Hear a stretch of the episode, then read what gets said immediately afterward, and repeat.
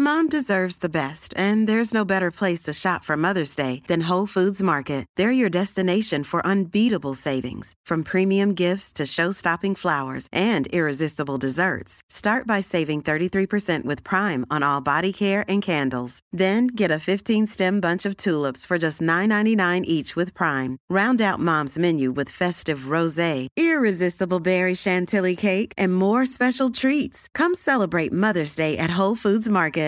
This is Paige, the co-host of Giggly Squad, and I want to tell you about a company that I've been loving, Olive and June. Olive and June gives you everything that you need for a salon quality manicure in one box. And if you break it down, it really comes out to $2 a manicure, which is absolutely insane. It's also so easy to get salon worthy nails at home with Olive and June. The difference between how your nails used to look when you did them yourself and now with the Manny system is a complete game changer. The best thing about Olive and June too is it's a quick dry, dries in about one minute, lasts for five days, and full coverage in up to one to two coats. Visit oliveandjune.com slash perfect Mani 20 for 20% off your first system. That's oliveandjune.com slash perfect Mani 20 for 20% off your first system.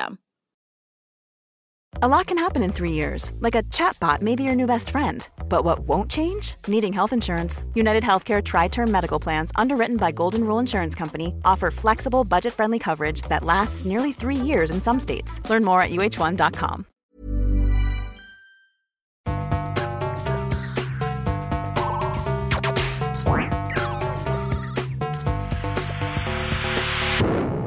Velkommen til Sinnsyn. Jeg heter Sondre Risom Livre, er psykolog, og dette er Webpsykologens podkast. Hverdagspsykologi for fagfolk og folk flest.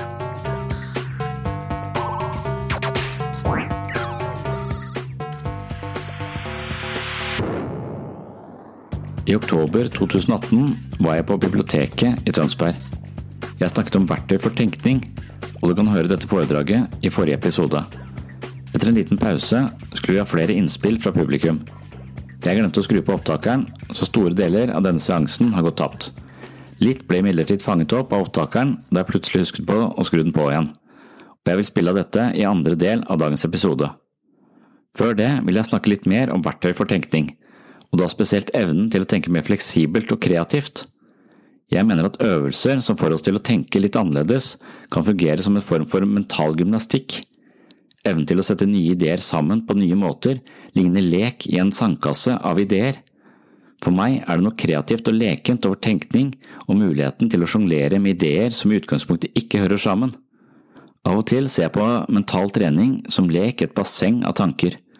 Dette er ikke en selvfølgelig lek, og heller ikke en øvelse som alle mennesker beskjeftiger seg med. Noen mennesker har hodet fullt av vanskelige ideer og kjenner på et konglomerat av ubehagelige tanker og følelser. Istedenfor å være nysgjerrig på tanker og følelser, forsøker de å holde psykisk ubehag på avstand ved hjelp av ulike forsvarsmekanismer og mental rigiditet. De holder seg til det samme sporet i egen tankevirksomhet, og selv om det sporet er destruktivt, oppleves det tryggere enn å begynne å bevege seg i helt nye retninger. Vi foretrekker å beholde de demonene vi kjenner fra før, fremfor risikoen forbundet med å møte noen helt nye. Dette kan man kalle for en form for psykologisk fundamentalisme, ufleksible holdninger eller fastlåste mentale mønstre. Psykisk lidelse handler ofte om en slags ensporet tankevirksomhet knyttet til vurderingen av oss selv, vår egen verdi eller kompetanse. Det kan også dreie seg om fastlåste oppfattelser av verden som meningsløs eller andre dystopiske fantasier. Mennesker med psykiske plager har med andre ord en tendens til å forholde seg gravalvorlig og uten lek og nysgjerrighet på tanker de har om seg selv og sitt liv, og sånn sett mener jeg at humor og andre verktøy for tenkning kan løsne litt opp i et tilknappet melankolsk eller angstfylt mentalt maskineri. Jeg mener ikke at man skal unngå å tenke på vanskelige ting som meningsløshet og sin egen forgjengelighet, men man må ikke forholde seg til denne typen tanker som om man befant seg på et pukkverk av ideer. På et pukkverk er det mange store steiner og ikke et sted som egner seg for en mer leken holdning. Man må behandle døden og andre vanskeligheter i en mental sandkasse, men det er ikke så lett.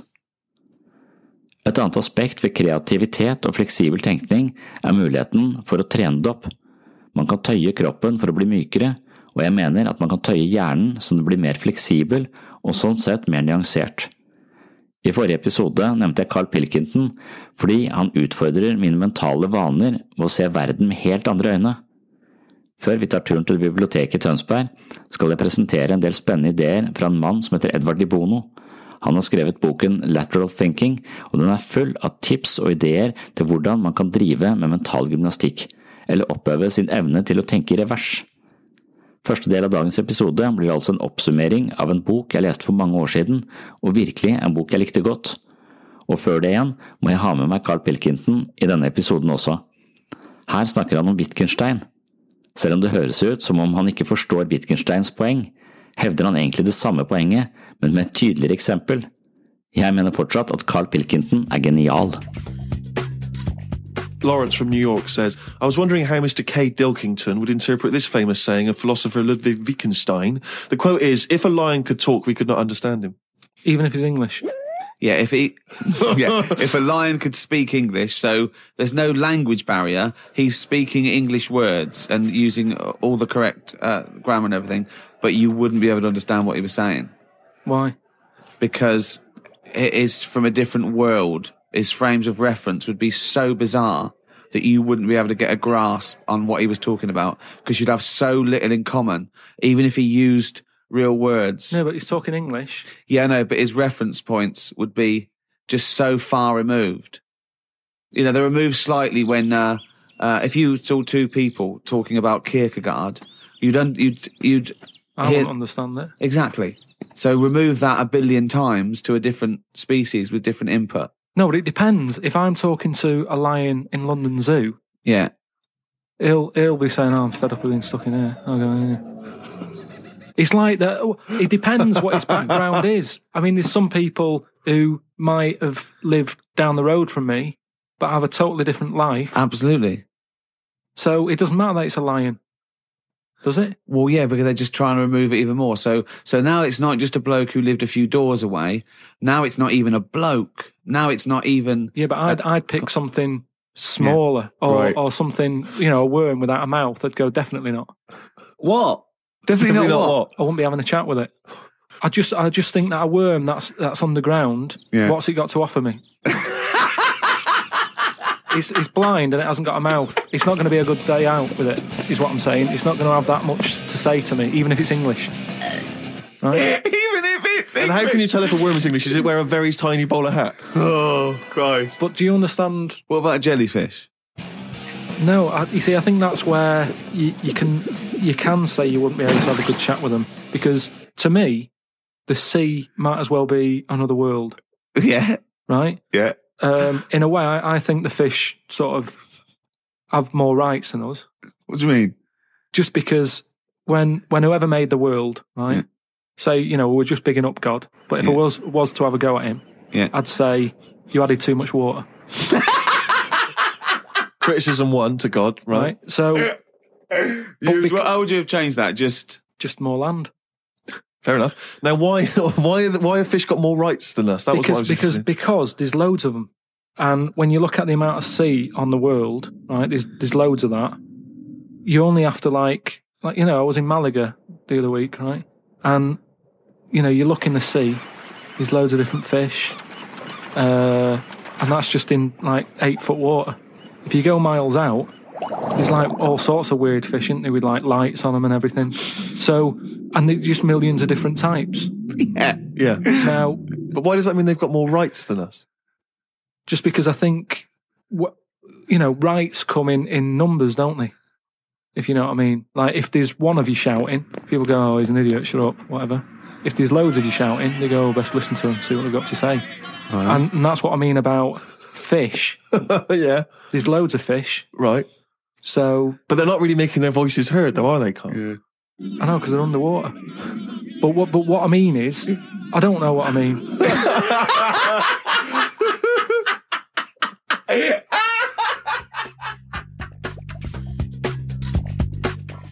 Hjernen ser alltid etter mønstre, og den organiserer ny informasjon i forhold til det den allerede vet.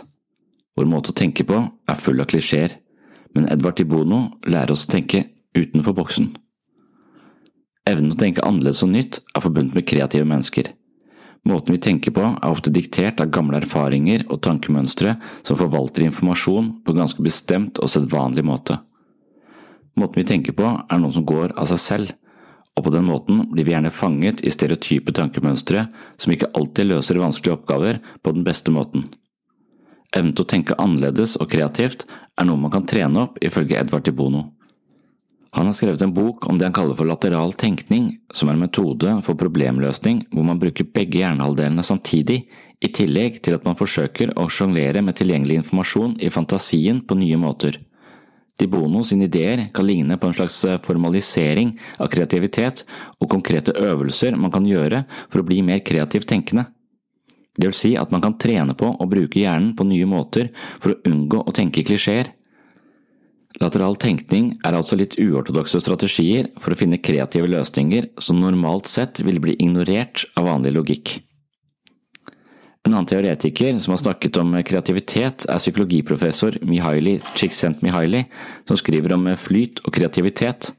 Han kan fortelle oss at kreativitet ikke kommer av seg selv, men som følge av langvarig og iherdig innsats blandet med en stor porsjon entusiasme og genuin interesse. Hans studier antyder at de virkelig kreative menneskene ikke nødvendigvis er en egen elite av personer med medfødte, eksepsjonelle evner, men at kreativitet er et potensial som ligger i de fleste av oss. Spørsmålet er dernest hva som skal til for å bli en kreativ og nyskapende person. Csikszentmihalyi mener at det handler om evnen til å la seg oppsluke i noe som interesserer oss dypt og inderlig. Etter mange år med intens jobbing, driftet av begeistring og nysgjerrighet, kan nye og kreative ting oppstå som en følge av den iherdige innsatsen. Det betyr at de fleste av oss kan være nyskapende dersom vi virkelig satser på det som interesserer oss dypt og inderlig, noe jeg synes er inspirerende. Som et supplement til Csikszentmihalys bok Creativity, Flow and the Psychology of Optimal Experience har jeg lest Edvard Di Bono, som også snakker om kreativitet, men på litt annen måte. Di Bono er et navn man assosierer med tenkning, og boken hans, Lateral Thinking, handler om hvordan man kan lære seg å tenke mer effektivt. Lateral tenkning refererer altså til en måte å tenke på hvor man løser problemer gjennom en indirekte og kreativ tilnærming. Det betyr at man angriper et problem ved hjelp av resonnementer som ikke er åpenbare ved første øyekast. Det handler om å tenke annerledes for å gi plass til helt nye ideer som ikke er tilgjengelig ved hjelp av en mer tradisjonell trinn-for-trinn-logikk. Di Bono sier at lateral tenkning er som å rygge. Det er ingen av oss som rygger hele tiden når vi kjører bil. Det vil være en tungvint måte å komme seg fra A til B på, men vi er nødt til å ha revers som en mulighet for å manøvrere bilen og komme oss ut av enkelte blindgater. Da Di Bono begynte å skrive boken sin på 1960-tallet, fantes det ingen praktiske veivisere for å oppnå ny innsikt og kreative løsninger. Enkelte mennesker ble kalt kreative, og man forsto at de kunne tenke litt annerledes enn hopen, men hva nytenkning egentlig bestod av, var mer uklart. Kanskje er det fortsatt uklart hva som ligger til grunn for kreative løsninger, men Di Bono har utviklet en rekke mentale redskaper man kan benytte seg av for å utvikle sine egne kreative evner. Boken er ikke skrevet på en veldig spenstig måte, men ideene er såpass gode at boken har fått status som eh, klassiker innenfor populærpsykologien. Di Bono begynte å interessere seg for eh, kreativ utvikling som følge av hans studier av hjernen og hvordan den fungerer. Ofte hører man at hjernen sammenlignes med en datamaskin, men Di Bono mente at dette var en dårlig sammenligning. Han mener at vårt eh, mentale liv representerer et helt spesielt miljø, hvor informasjon organiseres i ulike mønstre. Hjernen ser hele tiden etter mønstre, og den organiserer ny informasjon i forhold til det den allerede vet. Hjernen er et eh, selvorganiserende system som tilstreber orden i kaos. Den har utviklet sine egne strategier for å rydde opp i all den informasjonen som strømmer på, og systemet tar oss gjennom hverdagen på en ganske effektiv måte. Problemet er at nye ideer som strider imot våre gamle antakelser, ikke alltid passer inn i våre mentale mønstre, og da blir de gjerne avvist uten videre undersøkelse. Konfliktfulle ideer kan være gode, men altså vanskelige å innordne i hjernens mer eller mindre rigide bokholderi. Di Bono var dermed på jakt etter fremgangsmåter som kunne hjelpe utviklingen av nye ideer på en mer spontan måte for å unngå konflikt. Lateral tenkning er dermed en prosess som lar oss restrukturere gamle mønstre slik at vi blir mer åpne og tenker mindre stereotypt. Di Bono var interessert i å få bukt med klisjeene i våre tankemønstre. Resultatet er en bok med strategier som kan gjøre oss mer kreative og nytenkende, og gradvis skjønner man at kreativitet ikke nødvendigvis er et mystisk fenomen tilgjengelig for en liten elite av åndsarbeidere, men snarere noe de fleste av oss kan utvikle. Mekanismene i humor er eksempler på lateral tenkning. Humor dukker opp når noen foretar en plutselig restrukturering av eksisterende mønstre. Det vil si at den tilgjengelige informasjonen blir satt sammen på en uventet måte, og vi ler fordi noe åpenbarer seg som ikke var umiddelbart tilgjengelig ved bruk av den mer habituelle måten å tenke på. Di Bono kommer med mange gode eksempler. Blant annet refererer han en mann som står på toppen av en skyskraper. Mannen hopper over kanten med den hensikt å ta sitt eget liv. I tredje etasje sitter noen som ser mannen fare forbi. De hører ham si følgende So far, so good. Dette er humoristisk fordi det er en uventet setning fra en mann som er i ferd med å dø. De Bono gjengir også en gammel vits som etter hvert er tilskrevet Winston Churchill. Historien forteller at Churchill sitter ved et bord sammen med Nancy Astor. Nancy sier følgende Hvis du var min mann, hadde jeg helt gift i kaffen din. Da svarer Churchill Hvis du var min hustru, hadde jeg drukket det. Idet vi klarer å introdusere et helt nytt og uventet element, har vi frigjort oss fra stereotype tenkemønstre og klisjeer. Det er denne formen for nytenkning som har potensial til å skape noe helt nytt, og vi finner altså rudimentene av slik tenkning i humor. Lateral tenkning defineres i kontrast til vertikal tenkning. Den vertikale tenkningen assosierer vi med logikk og årsak-virkning. Ifølge Di Bono er spesielt skolesystemet basert på vertikal tenkning, hvor man baserer seg på logiske sammenhenger, et korrekt resonnement som fører til det neste, og til sist ender med et riktig svar. Denne typen tenkning er stort sett svært anvendelig, og det tjener oss vel.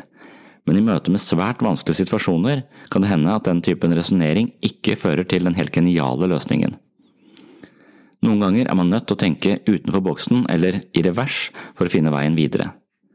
Di Bono sier at eh, vertikal tenkning brukes for å grave et bestemt hull dypere, mens lateral tenkning brukes for å grave et helt nytt hull et helt annet sted. Di Bono hevder ikke at vi skal bytte ut vertikal tenkning med laterale finurligheter, men at lateral tenkning må inn i bildet når våre sedvanlige måter å tenke på ikke har gitt tilfredsstillende løsninger. Akkurat som alle andre evner er lateral tenkning noe man må trene opp. Det nytter ikke å ha en forståelse for fenomenet for å bli mer kreativ. Man må praktisere kreativ tenkning gjennom spesifikke øvelser for å bli bedre på det. Nesten hele boken Lateral Thinking – Creativity Step by Step er viet til øvelser som skal hjelpe oss inn i lateral og kreativ modus. Her er en kortfattet liste over de viktigste strategiene ifølge Di Bono. Første punktet Generer flere alternativer. Man må ta utgangspunkt i flere alternativer dersom man skal utvikle en bedre løsning. Punkt to Man må utfordre sin forforståelse. Til daglig hviler vi på en del grunnleggende antakelser som vi tar for gitt. Mange av dem tenker vi ikke over i det hele tatt, men det utgjør likevel grunnmuren i vår måte å forholde oss til verden på. Lateral tenkning krever at man utfordrer disse grunnantagelsene. Dersom godt etablerte grunnantagelser får lov til å være en ubestridt premissleverandør for nye tanker, risikerer vi å havne på en forutbestemt sti uten de store kreative mulighetene. Punkt 3. I møte med utfordringer anbefaler de Bono at man kommer opp med et bestemt antall nye ideer før man legger en handlingsplan. Det vil si at man ikke bare tenker seg om og konstruerer én løsning, men at man på forhånd har bestemt seg for å generere eksempelvis åtte ideer før man legger en plan. Det vil si at man kanskje føler at alle gode ideer er eh, presentert etter fire forslag, men da må man altså tvinge seg selv til å klekke ut ytterligere fire alternativer før man konkluderer. Ofte er den siste ideen den beste. Punkt 4. Analogier er forklaringer eller sammenligninger som gis ved å vise til noe annet som ligner. Det er nært slektskap med metaforer, og det er et viktig verktøy for kreativ tenkning. Analogier kan plassere et pågjeldende problem inn i en helt ny kontekst, hvorpå man i kraft av en ny kontekst kan tenke nytt om den aktuelle utfordringen. For eksempel kan en analogi for en militær krise være en trykkoker eller et snøskred. Når en passende analogi er identifisert, blir nyansene i analogien beskrevet uten å se tilbake på det opprinnelige problemet. Når scenarioet i analogien er diskutert ned til minste detalj, overfører man de nye ideene til det opprinnelige problemet for å se om det kan fostre bedre løsninger. I psykoterapi er bruken av metaforer et viktig verktøy. En god terapeut ufarliggjør og identifiserer vanskelige aspekter gjennom gode metaforer. Ofte er det terapeutisk kraftfullt å hjelpe pasienter til å uttrykke sterke følelser med myke ord eller gjennom bilder og analogier. Punkt nummer fem. Reversering er en eh, provoserende måte å generere alternative mønstre på. Man tilstreber å snu opp ned på problemet eller den aktuelle situasjonen. Poenget er hele tiden å bryte ut av stereotype tenkemåter for å pløye ny mark i kreativitetens tjeneste. Ofte vil reversering av en situasjon fremstå som direkte feilaktig, umulig eller komisk. Reversering kan skje på flere måter. For eksempel er det gjerne slik at eh, katter fanger mus. Dette kan reverseres ved å tenke seg at musa fanger katten, at katter ikke fanger mus, at katten slipper musa fri, eller at katten fanger musa med halen istedenfor med munn og labbene. Dette kan virke absurd og for noen fremstå som misbruk av intellektuell kapasitet, men poenget er å trene opp alternativ tenkning. Etter slike reverserte scenarioer viser det seg at mennesker er mer potent i forhold til å generere helt nye og radikale ideer eller tenkemåter. Punkt 6 er brainstorming. Menneskehjernen tenker altså i kraft av vante mønstre, noe som er veldig effektivt når vi er avhengig av raske beslutninger. Hjernen reduserer kompleksiteten i den tilgjengelige informasjonen ved hjelp av mer eller mindre god logikk, samt generaliseringer og til tider grove kategoriseringer. Idet vi står overfor vanskelige problemer, kan det hende at hjernens automatiske strategier ikke gir de beste løsningene, men at situasjonen krever at vi unngår å fiksere på et bestemt mønster for raskt. Dette er notorisk vanskelig, ifølge Di Bono, selv på individnivå.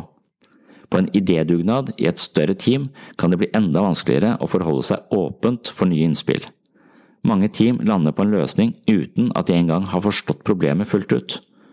Raske konklusjoner skyter ofte de kreative problemene til jorden før de får lov til å utfolde seg.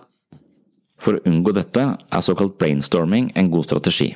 Brainstorming er ikke lateral tenkning i seg selv, men det har til hensikt å skape en arena for lateral tenkning. Punkt sju handler om tilfeldige provokasjoner. Noen ganger kan våre sedvanlige tankemønstre være så rigide og fastlåste at verken reversert tenkning, analogier eller andre forsøk på å tenke utenfor boksen mislykkes. Det vil si at man tilstreber å løsne de fastgrodde mønstrene, men de nye løsningene blir likevel et ekko av gamle mønstre. I slike tilfeller kan såkalt tilfeldige provokasjoner være nødvendig. Tilfeldig provokasjon innebærer bruk av tilfeldige ord som kan eh, trigge alternative tenkemåter.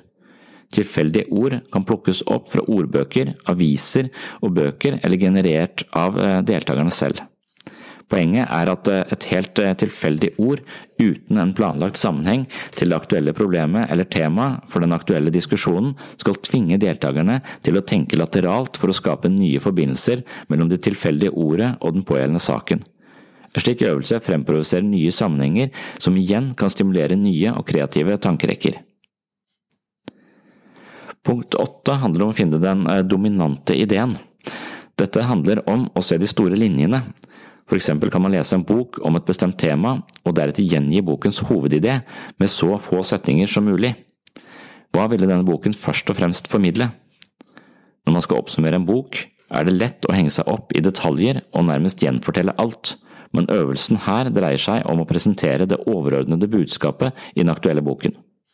Det siste punktet handler om å vente med å dømme. Bono anbefaler oss å la en ny idé få litt lengre spillerom enn det som kanskje virker fornuftig ved første øyekast. Noen ideer virker tåpelige, og av og til er de det, men for å trene opp sin evne til å tenke nytt, kan det være lurt å avvente litt før man avskriver en ny idé. Store deler av utviklingspsykologien påpeker at mennesket ikke opplever nye ting som nye, men plasserer dem i kategorier de allerede har utviklet. Vi er ikke oppmerksomme på dette, men opplever at vi er åpne og erfarer livet med blanke ark. Det gjør vi altså ikke. Når vi ser på nyhetene, har vi en tendens til å huske informasjon som stemmer overens med egne oppfattelser, og ignorere informasjon som virker motstridende eller ny.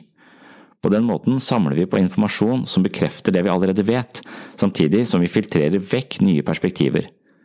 Med andre ord er de fleste av oss mer eller mindre fundamentalistiske og ignorante, og nettopp denne tendensen har de Bono viet mye av sin karriere på å motvirke. Hans strategier for å bli mer åpne og mentalt fleksible er svært konkrete, og det er påfallende at de evnene han ønsker å fostre, ligner de evnene som beskrives i mye av litteraturen om mindfulness. En såkalt eh, mindful holdning vil dempe de fordomsfulle tendensene i det menneskelige sinnelag, står det i boken Mindfulness av Ellen Langer. Hun definerer en mindful holdning i motsetning til en mindlessness-holdning. Den såkalte mindlessness-holdningen forekommer altså når vi ikke vet, erkjenner at vi tilpasser nye erfaringer våre gamle bokser, og på den måten farger alle nye opplevelser med et psykologisk ekko fra fortiden.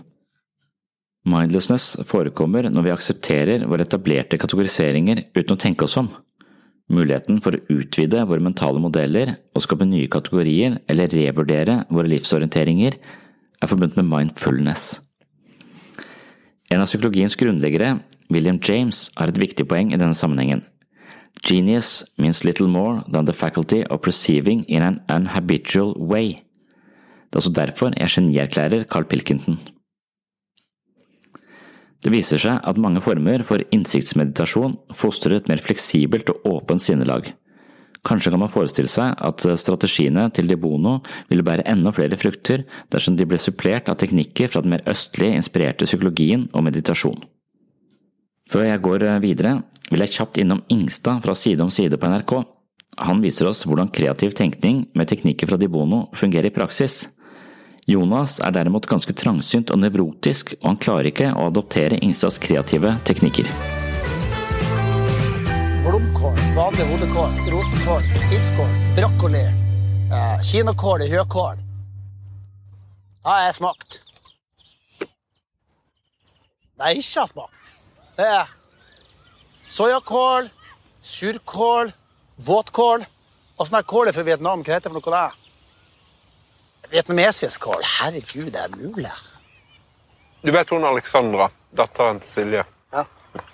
Hun skal ha bursdagsfest, og så ansvaret det faller på meg til å finne på et eller annet. Silje skal bort. Nei, Jeg skjønner hva du ønsker deg på. Hva da? Tema. Tema? Du, Det er brainstorm på bursdagstema. Det skjønner jeg veldig godt, for det er veldig vanskelig.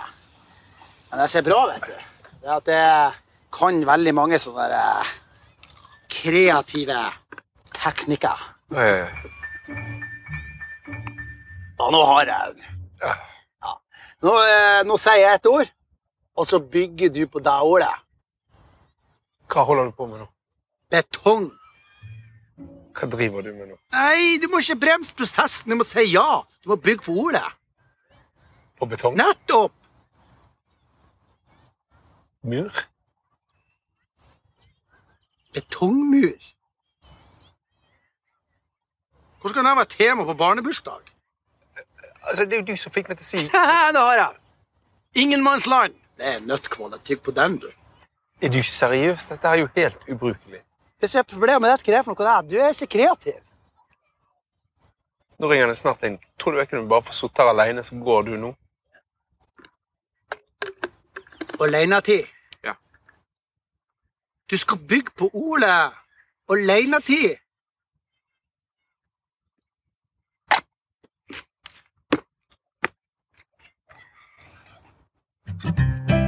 Wow. Et kjennetegn på laterale tenkere er at de ikke har behov for å ha rett hele tiden. De vet at behovet for å ha rett kan underminere nye ideer.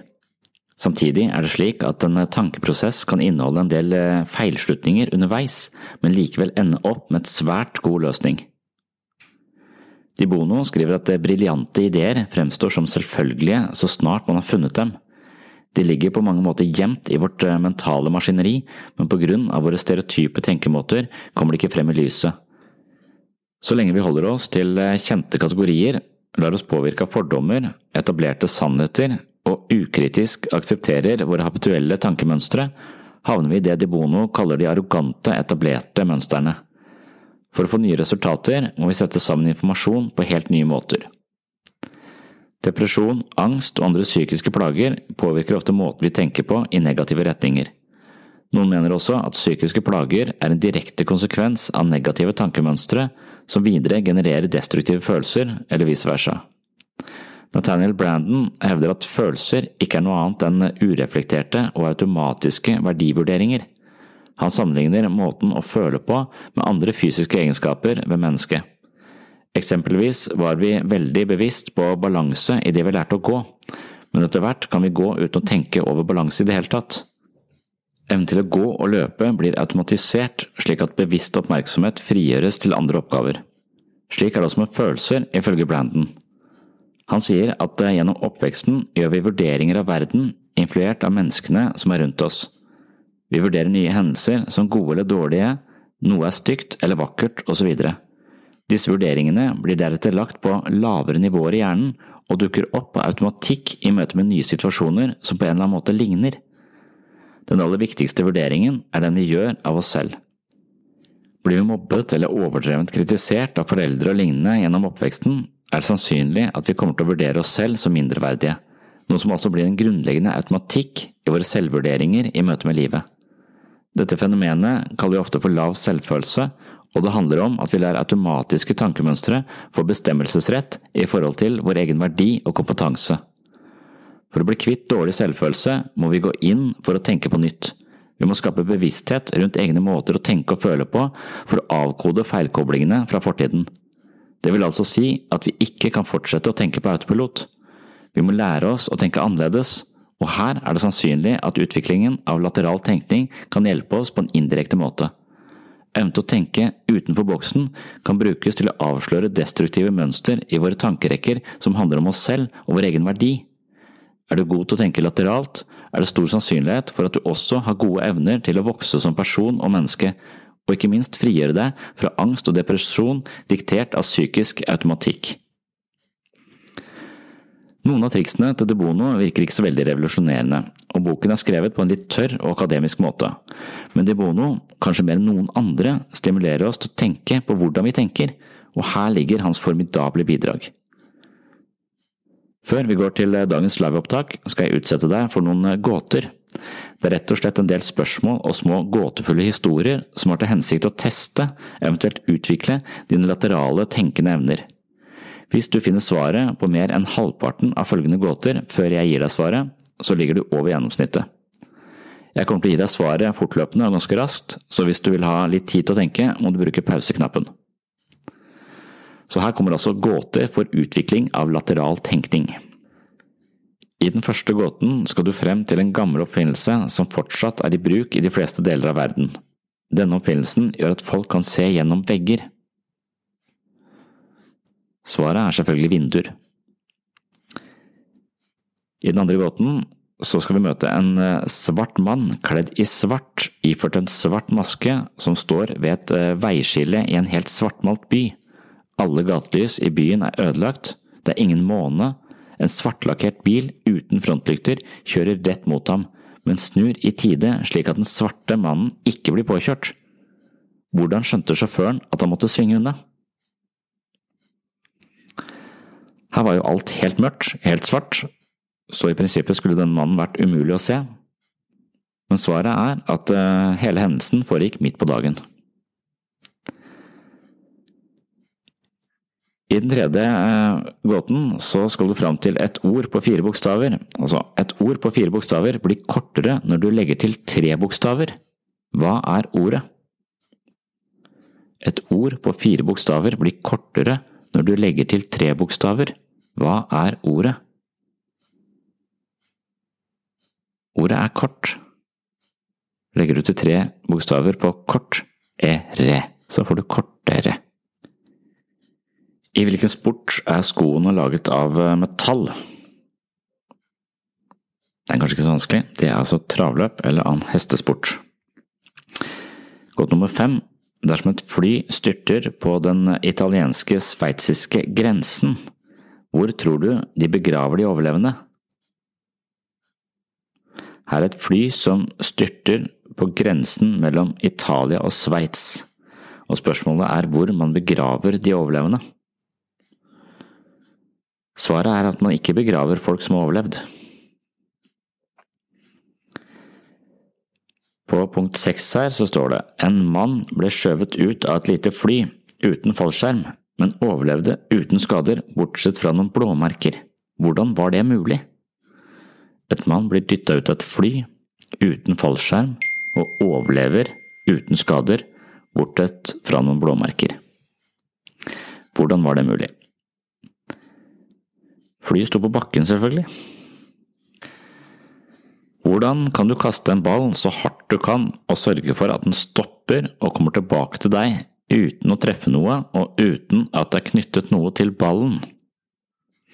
Du skal kaste ballen så hardt du kan, du skal sørge for at den stopper og kommer tilbake til deg uten at du kaster den i noe, og uten at det er knyttet en eller annen form for tråd eller strikk til ballen. Da må du kaste ballen rett opp i lufta. Punkt åtte. Hva kan du holde i høyre hånd som du ikke kan holde i venstre hånd? Her er svaret at du ikke kan holde din venstre hånd, underarm eller albue i din venstre hånd. Gåte nummer ni. Her er det en cowboy som rir inn i en by på fredag. Han tilbringer en natt i byen, og så reiser han igjen på fredag. Hvordan forklarer du dette? Han rir inn i byen på fredag, tilbringer en natt der og reiser igjen på fredag. Svaret er at hesten heter Fredag.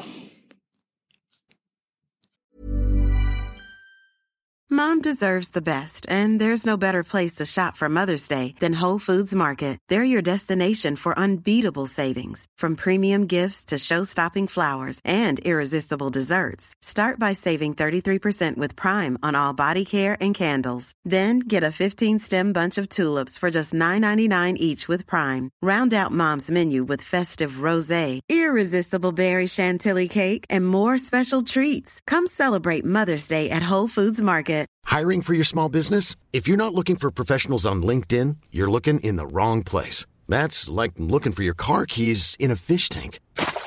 LinkedIn helps you hire professionals you can't find anywhere else, even those who aren't actively searching for a new job but might be open to the perfect role. In a given month, over 70% of LinkedIn users don't even visit other leading job sites. So start looking in the right place. With LinkedIn, you can hire professionals like a professional. Post your free job on linkedin.com slash people today.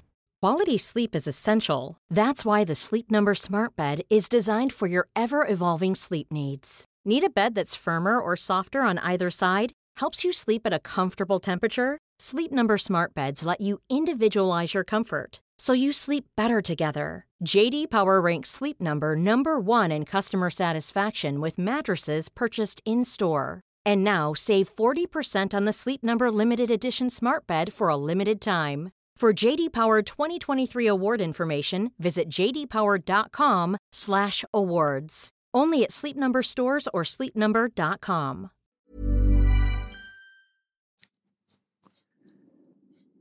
Hvilket ord er alltid stavet feil?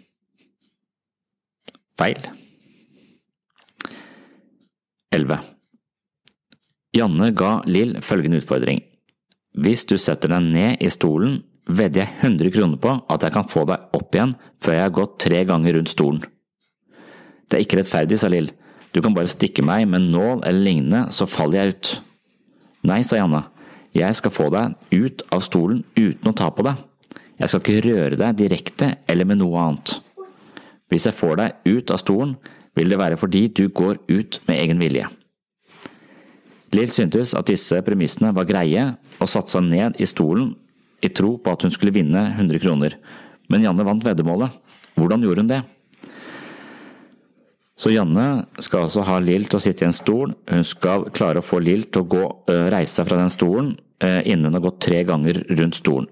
Janne har ikke lov til å ta på Lill eller stikke henne med noe som helst, så hun har altså ikke, hun skal ikke berøre Lill som sitter i stolen. Og hvordan klarer hun det? Ved å gå tre ganger rundt. Lill setter seg i stolen, Janne går to ganger rundt stolen, og så sier hun jeg er tilbake om en uke for å gå den siste runden. Punkt nummer tolv. Her er det fire mennesker som samler seg rundt én paraply, på normal størrelse, og ingen av dem blir våte. Hvordan er dette mulig? Det er mulig fordi det ikke regner. Punkt 13. En bonde eier et vakkert pæretre. Han leverer frukt til en nærliggende butikk. Butikkeieren har nå spurt bonden om hvor mye frukt han er i stand til å levere. Bonden må tenke seg om. Han vet at eh, stammen på treet har eh, feste for 24 tykke grener. Hver gren har nøyaktig tolv nye grener, og hver av de tolv grenene har nøyaktig seks kvister. Siden hver kvist bærer én frukt, hvor mange plommer vil bonden kunne levere? Svaret er ingen, for bonden hadde et pæretre.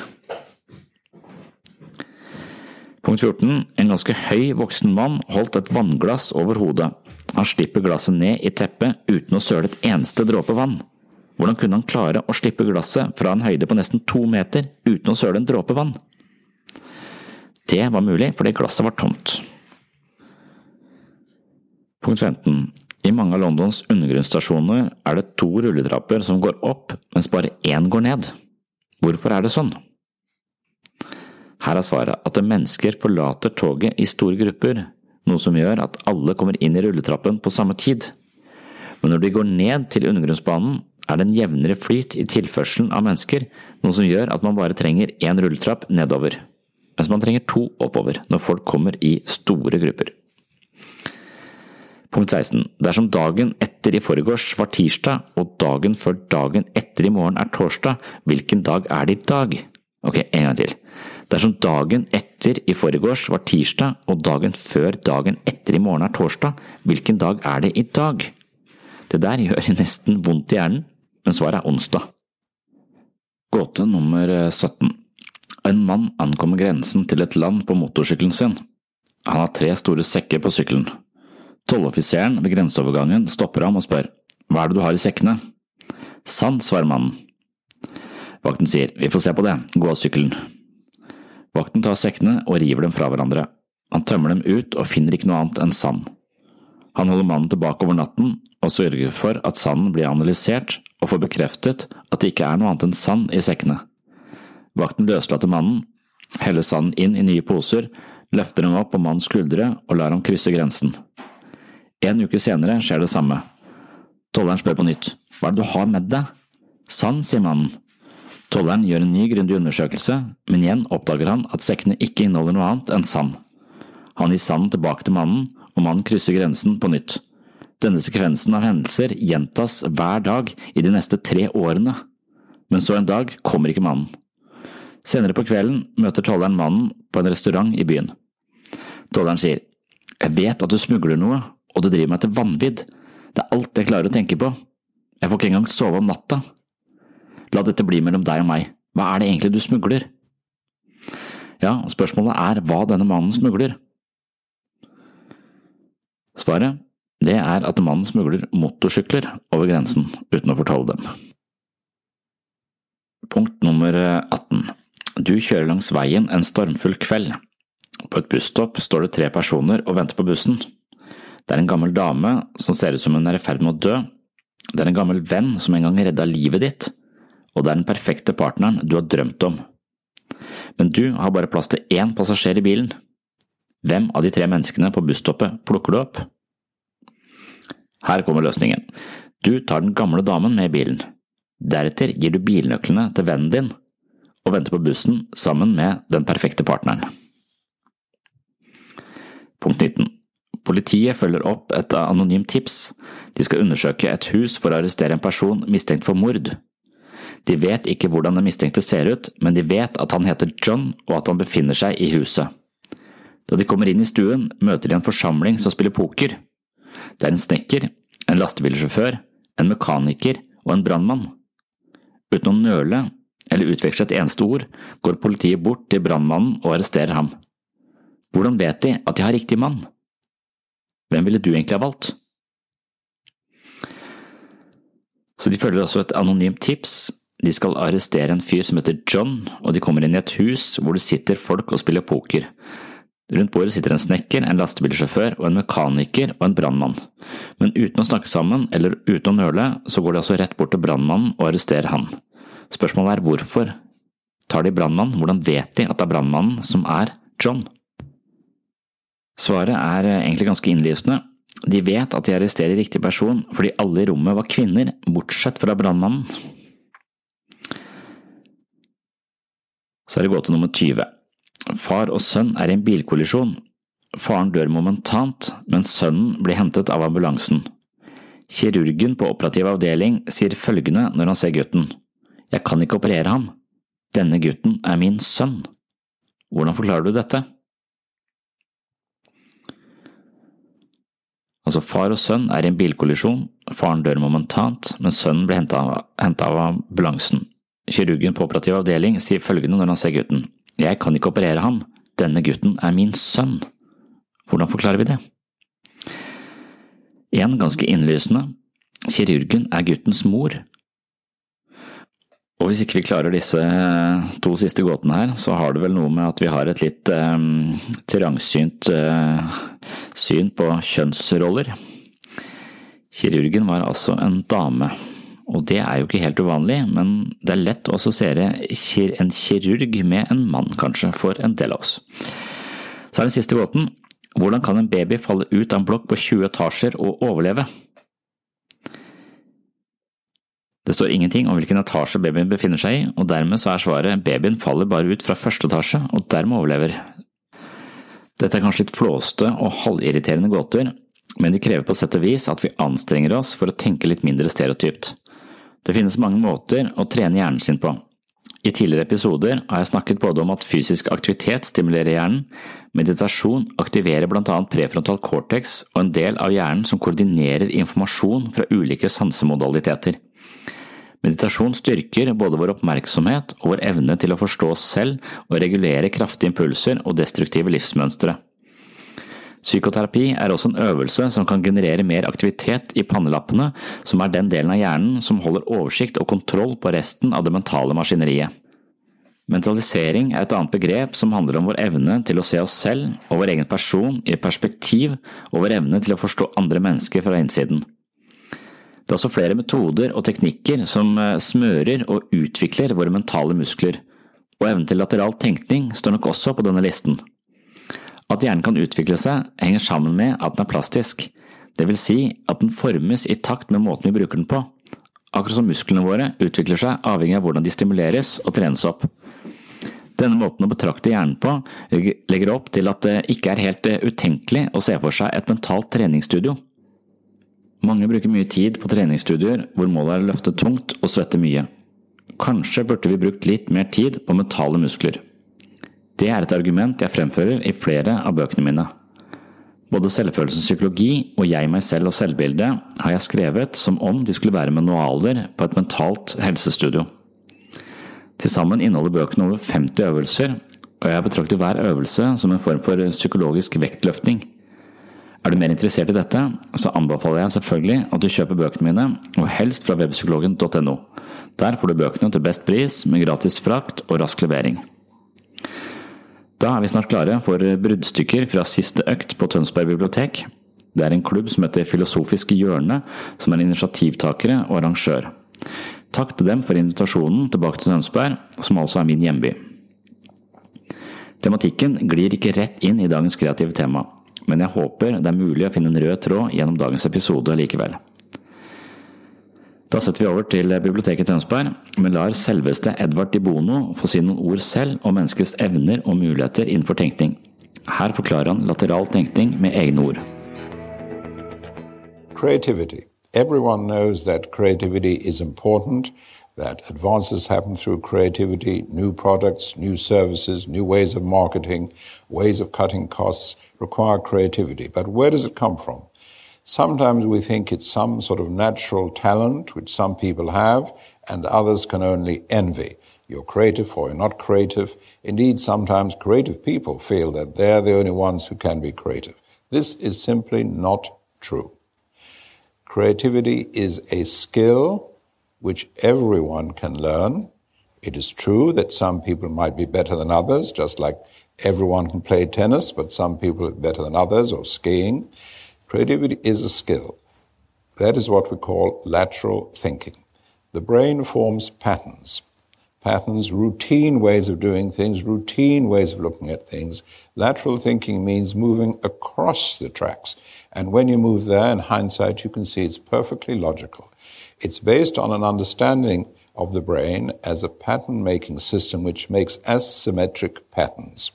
And there are different tools which can be taught. There's challenge, where we challenge the existing concept or idea. There is concept extraction, where we find the concept and then find new ways out of it. There's provocation, very powerful. We set up a provocation and we move forward from that to a new idea. Then there's random entry, where we enter at a different point. All these are logically based on the behavior of asymmetric patterns. Now that sounds complicated, but these tools are not complicated to use. Now, using just one of these tools, one afternoon, a workshop in South Africa produced 21,000 new ideas for a company. So they're very powerful. It's not a matter of just sitting around and waiting for new ideas to happen you can actually take steps. It's like maths. You can learn maths, you can learn lateral thinking, you can learn creative thinking, and you can use and apply it deliberately. Of course, the more you practice, the better you get at it, but it's not a complex matter, and it is effective and powerful. And it goes way beyond traditional brainstorming. Traditional brainstorming is a very weak process it's in the right direction, of course, but just by suspending judgment, that's not nearly enough. There are these formal techniques which produce, uh, generate ideas, don't just wait for ideas to happen. So, lateral thinking, as I say, is a skill. For the first time in history, we can now treat idea creativity, the ability to produce ideas, as a formal skill which can be learnt, practiced, used deliberately. And I emphasize that deliberately. It's very different from just sitting and hoping and waiting that someone somewhere has an idea. No, you can sit down and deliberately generate ideas, a large number of ideas. So lateral thinking is a usable, learnable skill.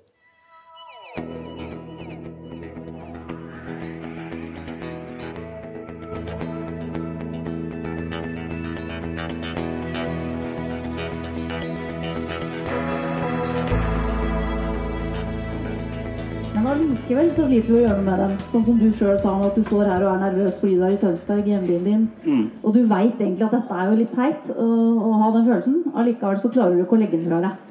Jeg var ikke så nervøs i stad, men da Ola kommet, så nå er, nå jeg nervøs. Ja, ja. men ikke sant, bare, du ser det faktisk, og allikevel så greier du ikke å gjøre noe med det. Kan du si noe om dine tanker rundt det? Hvorfor det er så vanskelig å endre på disse mønstrene når vi faktisk ser at de er der, og allikevel så får vi det ikke til? Ja. Det er frustrerende. Ja, det er, kjempe, det er kjempefrustrerende. Og, og, og, der, sånn, der er denne fengselsanalogien kommer inn i altså, Jeg mener jo selv også at det, jeg vet jo at dere ikke er farlige. Og hvis dere syns jeg er en tulling, så vil ikke det på en måte rokke ved min verdi som menneske likevel. Altså, så, så, det er dypest sett ikke noe jeg bør legge så mye vekt i, men jeg legger mye vekt i det. Det er litt fordi at jeg bryr meg om at dere bruker tid på dette. Altså, så det er, slags, det er, jo noe bra med det, men det å bli veldig overdrevent stressa for at jeg blir sett på uh, og, og, og, vurdert ja fra barndom og kanskje så tidlig at vi ikke har ord for det engang. Ja. Og de går og, og så, så ser vi dem, og så klarer vi allikevel ikke å forandre på dem. Nei, ikke sant. Og, og, og vi, vi, klarer ikke å forandre på dem. Og, det kan virke sånn ja, men du er redd for, du er redd for slange, og det, og det kan virke litt trivielt. Og, og, mange av oss er redd for diffuse ting som ikke helt Vi har bare en sånn generell angst for, uh, for, livet. Så en del av behandling vil være å definere litt mer presist hva det er du faktisk er redd for. Og, og for, for, at jeg skal på en måte forstå andre menneskers frykt, så bruker jeg veldig ofte dette, dette mytologiske uh, språket, eller mytologiske innfallsvinkelen til det. Og en av de filmene jeg har vært veldig opptatt av, uh, som skremte livskitt ut av meg da jeg var liten, men så kom en ny versjon nå, tenker jeg blir jeg like redd nå. Det er It eh, av Stephen King. Eh, og for den, den, på en måte, den, Jeg vet ikke om du har sett It av Stephen King, men der er det en eh, forferdelig klovn som smiler til deg bak hver busk. Og denne klovnen den, Det er jo en by da med, med barn. Jeg kjenner meg igjen i den filmen. Altså, hvis jeg møtte Tommy eller Roger når jeg vokste opp, så kom jeg til å dø. Så vi sykla rundt, hadde det bra, men hvis vi møtte de i den bilen, så kom de til å drepe oss. Det er jeg ganske, ganske sikker på. Eh, eh, så, så, vi var jo jaga, og sånn er det også i den. Det er noen mobbere der, noen farlige folk som du er livredd for. Men så har disse uh, hovedpersonene i denne filmen de har også uh, ganske uh, kjipe ting på hjemmebane. Hun ene blir seksuelt misbrukt. Han ene har mista broren sin, føler det er hans skyld. En, en, en, av de gutta lever med mor med OCD, som driver og vasker alt med, med antibac hele tiden, så han er livredd for bakterier. Og denne klovnen viser deg det du er mest redd for. ikke sant? Denne klovnen den næres på frykt. Så idet du blir redd for det, så dreper han deg. Så den fjerner jo barn fra denne byen. Så kommer den opp hvert 27. år. av en eller annen grunn. Jeg vet ikke hva det 27 betyr. Men, men det er interessant, hele den uh, ideen der. For det, det, det, viser så godt dette psykoterapiprosjektet hvor vanskelig det kan være å møte sin egen frykt. Hvis du sitter og ser den filmen, så på et eller annet tidspunkt så bestemmer de seg for å gå inn i det jævla huset hvor denne klovnen bor. Og tenker jeg, det er en dårlig idé. Men det er jo ikke det. Det er nettopp det vi må. Vi må møte frykten vår ansikt eh, til ansikt. Men om den frykten er å gå på Nav eller å drite seg ut her, så virker det litt sånn trivielt. Men det er en klovn. Det er et monster for oss. Og hvis vi klarer å se for oss som et monster, så, så blir, eh, livet, kan livet bli litt spennende.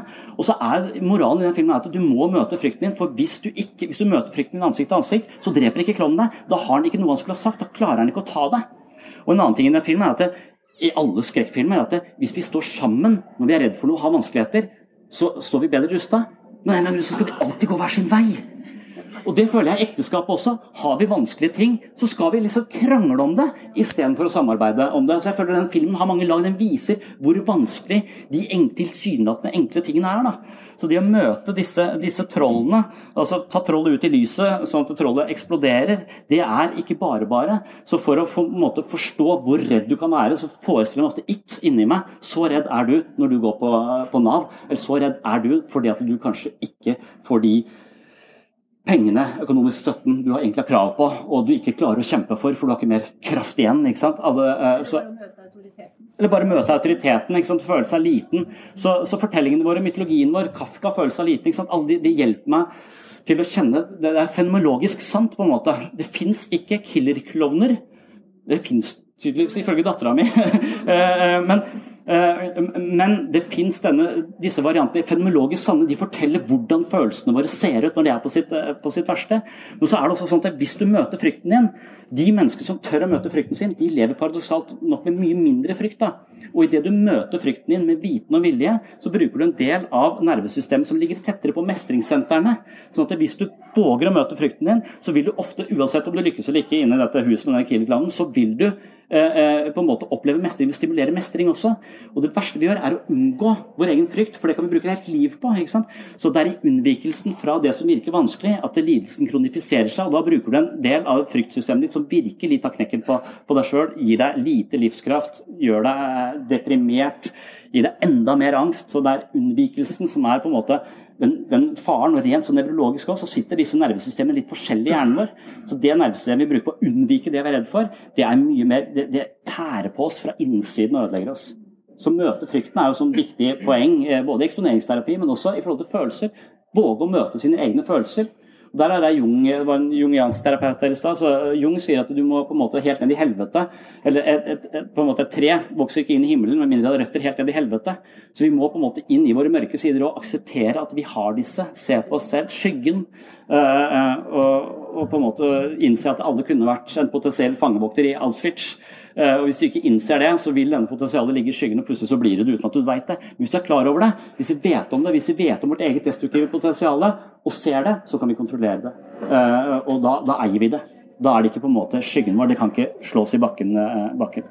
Vi tar neste spørsmål.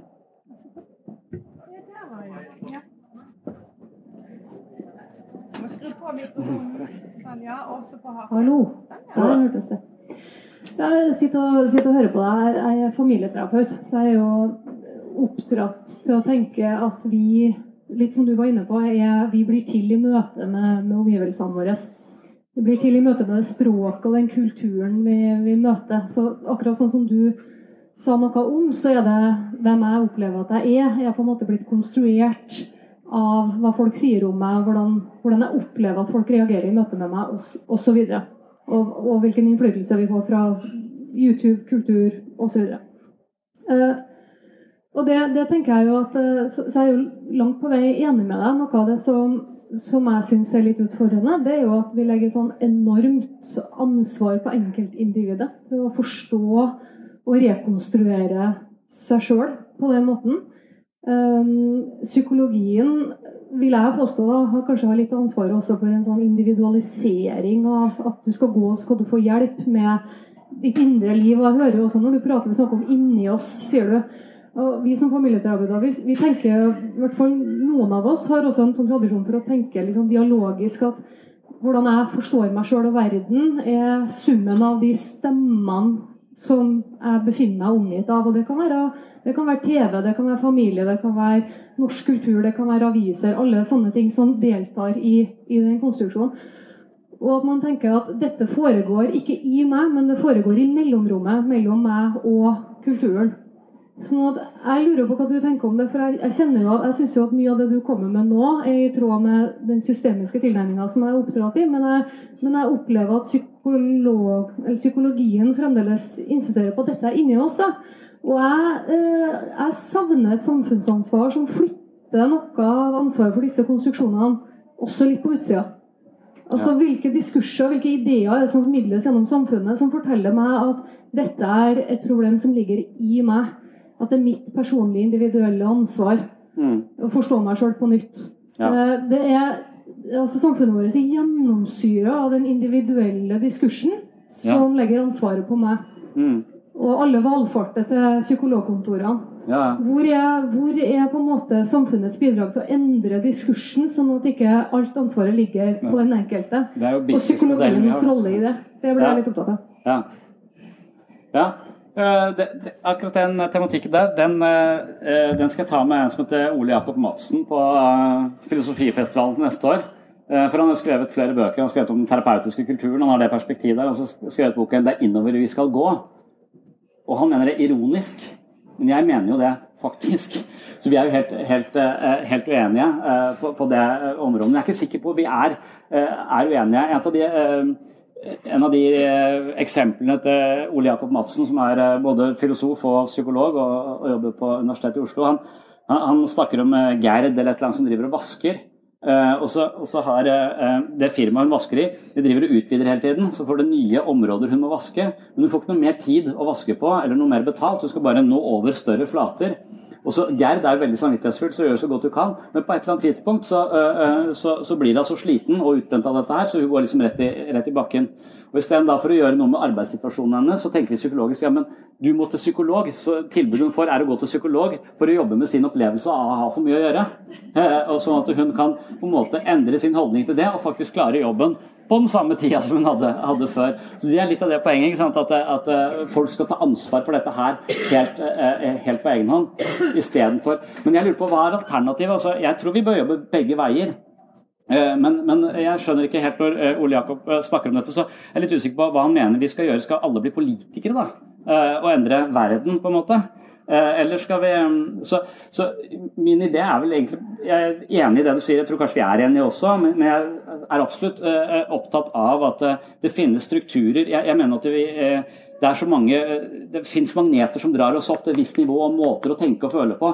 Familien er et system, kulturen er også et system. og Hvis du skal prøve å bryte ut av din egen kultur, så drar det deg tilbake igjen. Akkurat som familiesystemet. altså Du kan prøve å jobbe med deg selv og begynne å tenke annerledes. Og, og, og, så. Men idet du forandrer deg, så forandrer du også nødvendigvis de som er rundt deg. For ringvirkninger. Du reagerer på en annen måte, så de også plutselig begynner å reagere. De har ikke bedt om det. Så ofte så vil de si du har blitt klin gæren, du må slutte å gå til psykolog, du blir bare verre av det. Og så vil de ha deg tilbake i det samme mønsteret. Eller, eller, hvis du ruser deg og, og bare fortsetter å gå på den samme puben. Uh, så, så, er det kanskje noe med at du er nødt til å flytte miljøet også. Du må ut av konteksten din, og du er fanget av konteksten uh, din. Uh, og er, Jeg tror vi driver veldig mye behandling av enkeltindivider, og så putter vi tilbake den samme konteksten. Det er stein umulig å egentlig opprettholde den forandringen du kanskje har gjort inne på i gruppeterapi hos oss. Der fungerer du helt utmerket nå. Men idet du på alle disse kreftene drar deg tilbake, da fungerer det som en motmagnet. Alt trekker deg tilbake til der du var. Det er veldig sterke krefter. Så, men poenget mitt med med å se innover, er jo å oppdage nettopp det. At du er så sårbar for alle de kreftene som spiller rundt deg. Alle disse mønstrene som har blitt en del av deg, som du har vokst inn i. De bor på en måte i konteksten din, og de vil fange deg hvis ikke du er veldig bevisst i de møtene. Istedenfor å gå da til venstre mot møllepuben, så går du til høyre. Og så stikker du ned på måltid, og så spiser du med noen andre der istedenfor å være Så du må være bevisst det også, og det handler om at vi forstår det. Så når vi er innover vi skal gå, så tenker jeg bare at vi skal være oppmerksom på alle disse eh, faktorene som styrer viljen vår og styrer livet vårt. Eh, og, og, da er det spesielt eh, mobiltelefonen Jeg har paranoide folk som sier at jeg, jeg har ikke mobiltelefon, det er livsfarlig, det overvåker deg, overtar livet ditt. Nå har de fått rett. Det er jo sant! Fortsatt er jeg gæren, Du må medisinere. Det er ikke noe farlig av mobiltelefon. Jo, det er det! Det er det som tar livet av deg. Det, grunnen til at jeg overlevde eh, turen fra Kristiansand til Tønsberg, det, det, var for at jeg skrudde Jeg, jeg sjekker mobilen hele tiden men jeg kjører. to barn i baksetet. Så, så, så, det er livsfarlig. Det er det som tar livet av oss i trafikken da. Så, uh, så uh, de paranoide har rett når det kommer til mobiltelefoner. Mm.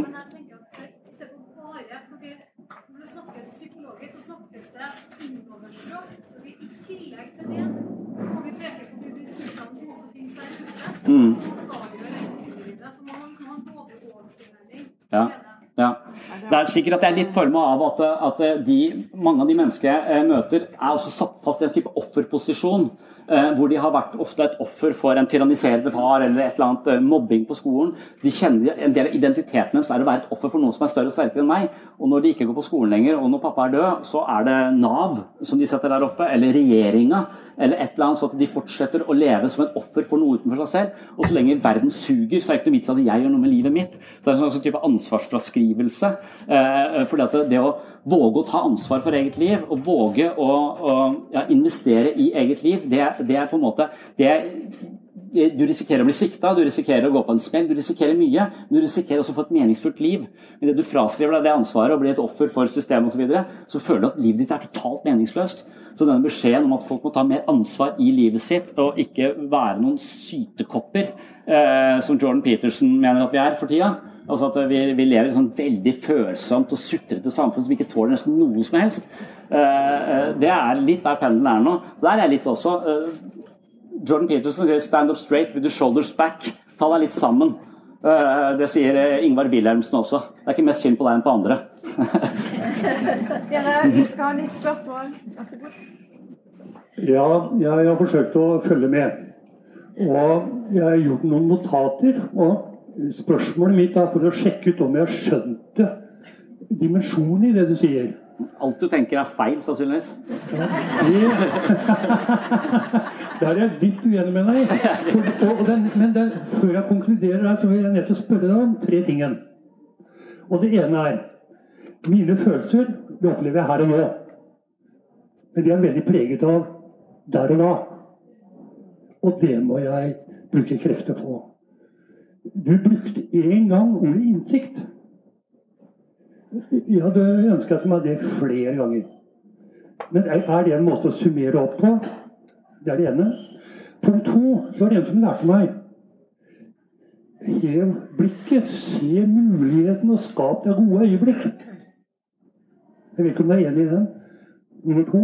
Nummer tre. Hvis vi legger de to tingene til grunn, nærmer vi oss ikke da veldig fort gestaltterapi.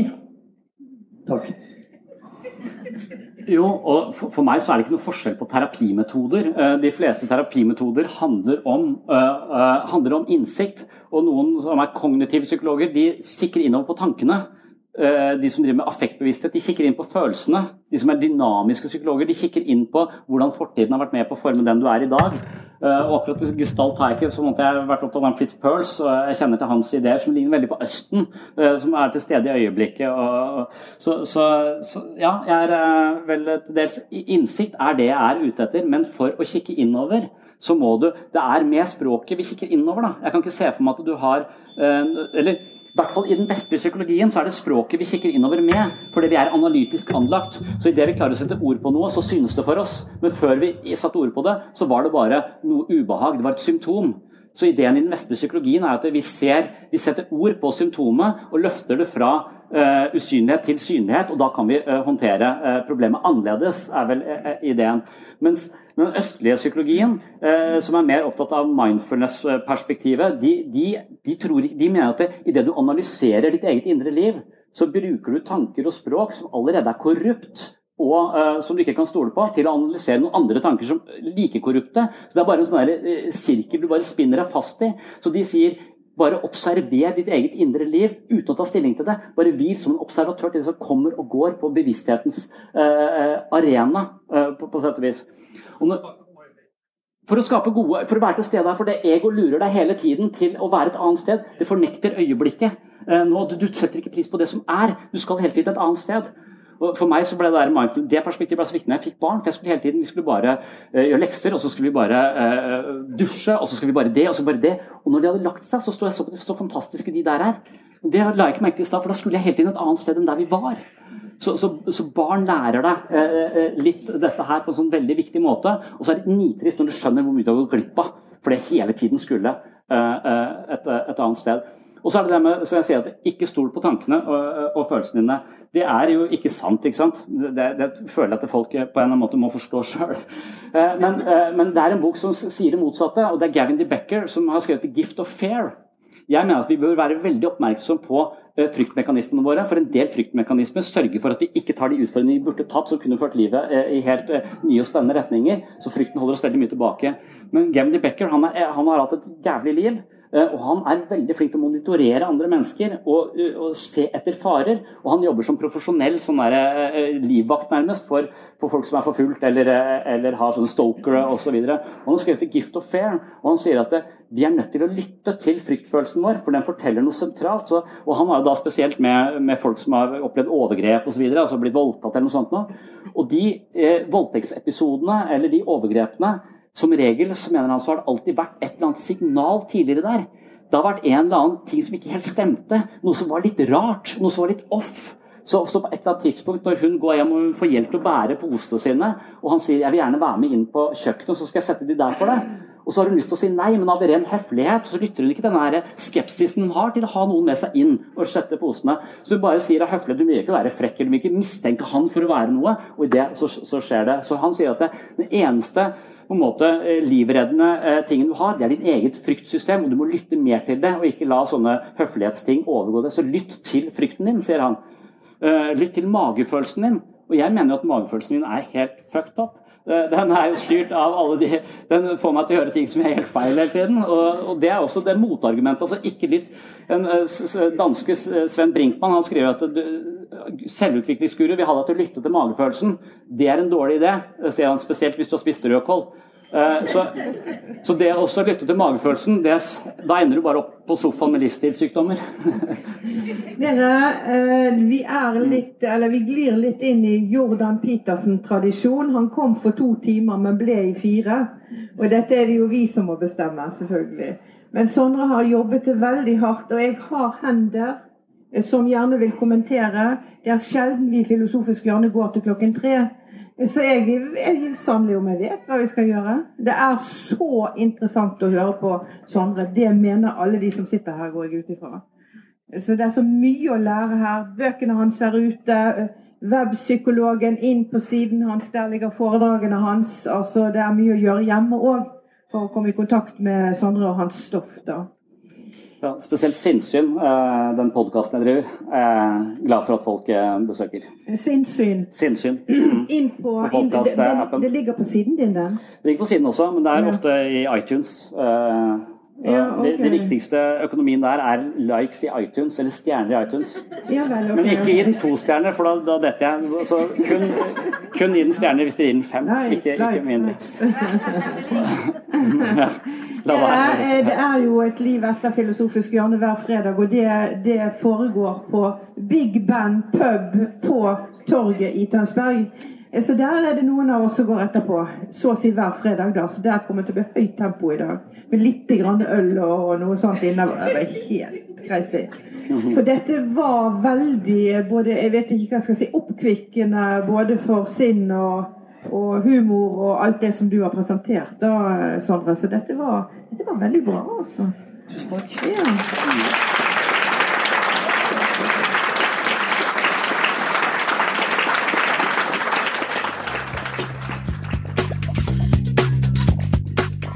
For at du hørte på Sinnsyn. Hvis du liker det du hører, så er jeg veldig glad for anbefalinger, Jeg er veldig begeistra for stjerner i iTunes, og setter stor pris på om du gidder å nevne podkasten til folk du kjenner, eventuelt skrive om det i din egen blogg, eller nevne det i din egen podkast. Alle monner drar. Det var det. Det var eh, dagens episode. Muligens kommer jeg inn på kreativitet i neste episode også, men det er jeg ikke helt sikker på ennå. Men inntil det så får du ha en eh, fin uke, og på gjenhør i neste episode.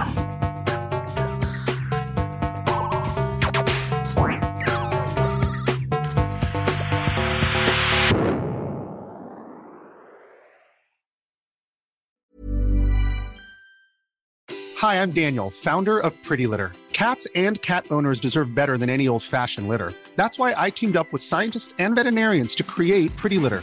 Its innovative crystal formula has superior odor control and weighs up to 80% less than clay litter. Pretty Litter even monitors health by changing colors to help detect early signs of potential illness. It's the world's smartest kitty litter.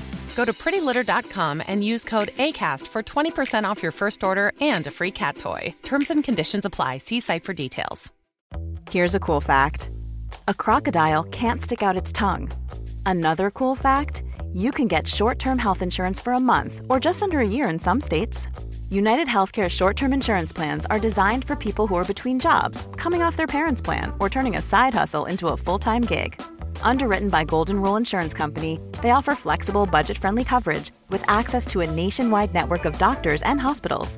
Get more cool facts about United Healthcare short term plans at uh1.com. Mom deserves the best, and there's no better place to shop for Mother's Day than Whole Foods Market. They're your destination for unbeatable savings, from premium gifts to show-stopping flowers and irresistible desserts. Start by saving 33% with Prime on all body care and candles. Then get a 15-stem bunch of tulips for just $9.99 each with Prime. Round out Mom's menu with festive rosé, irresistible berry chantilly cake, and more special treats. Come celebrate Mother's Day at Whole Foods Market.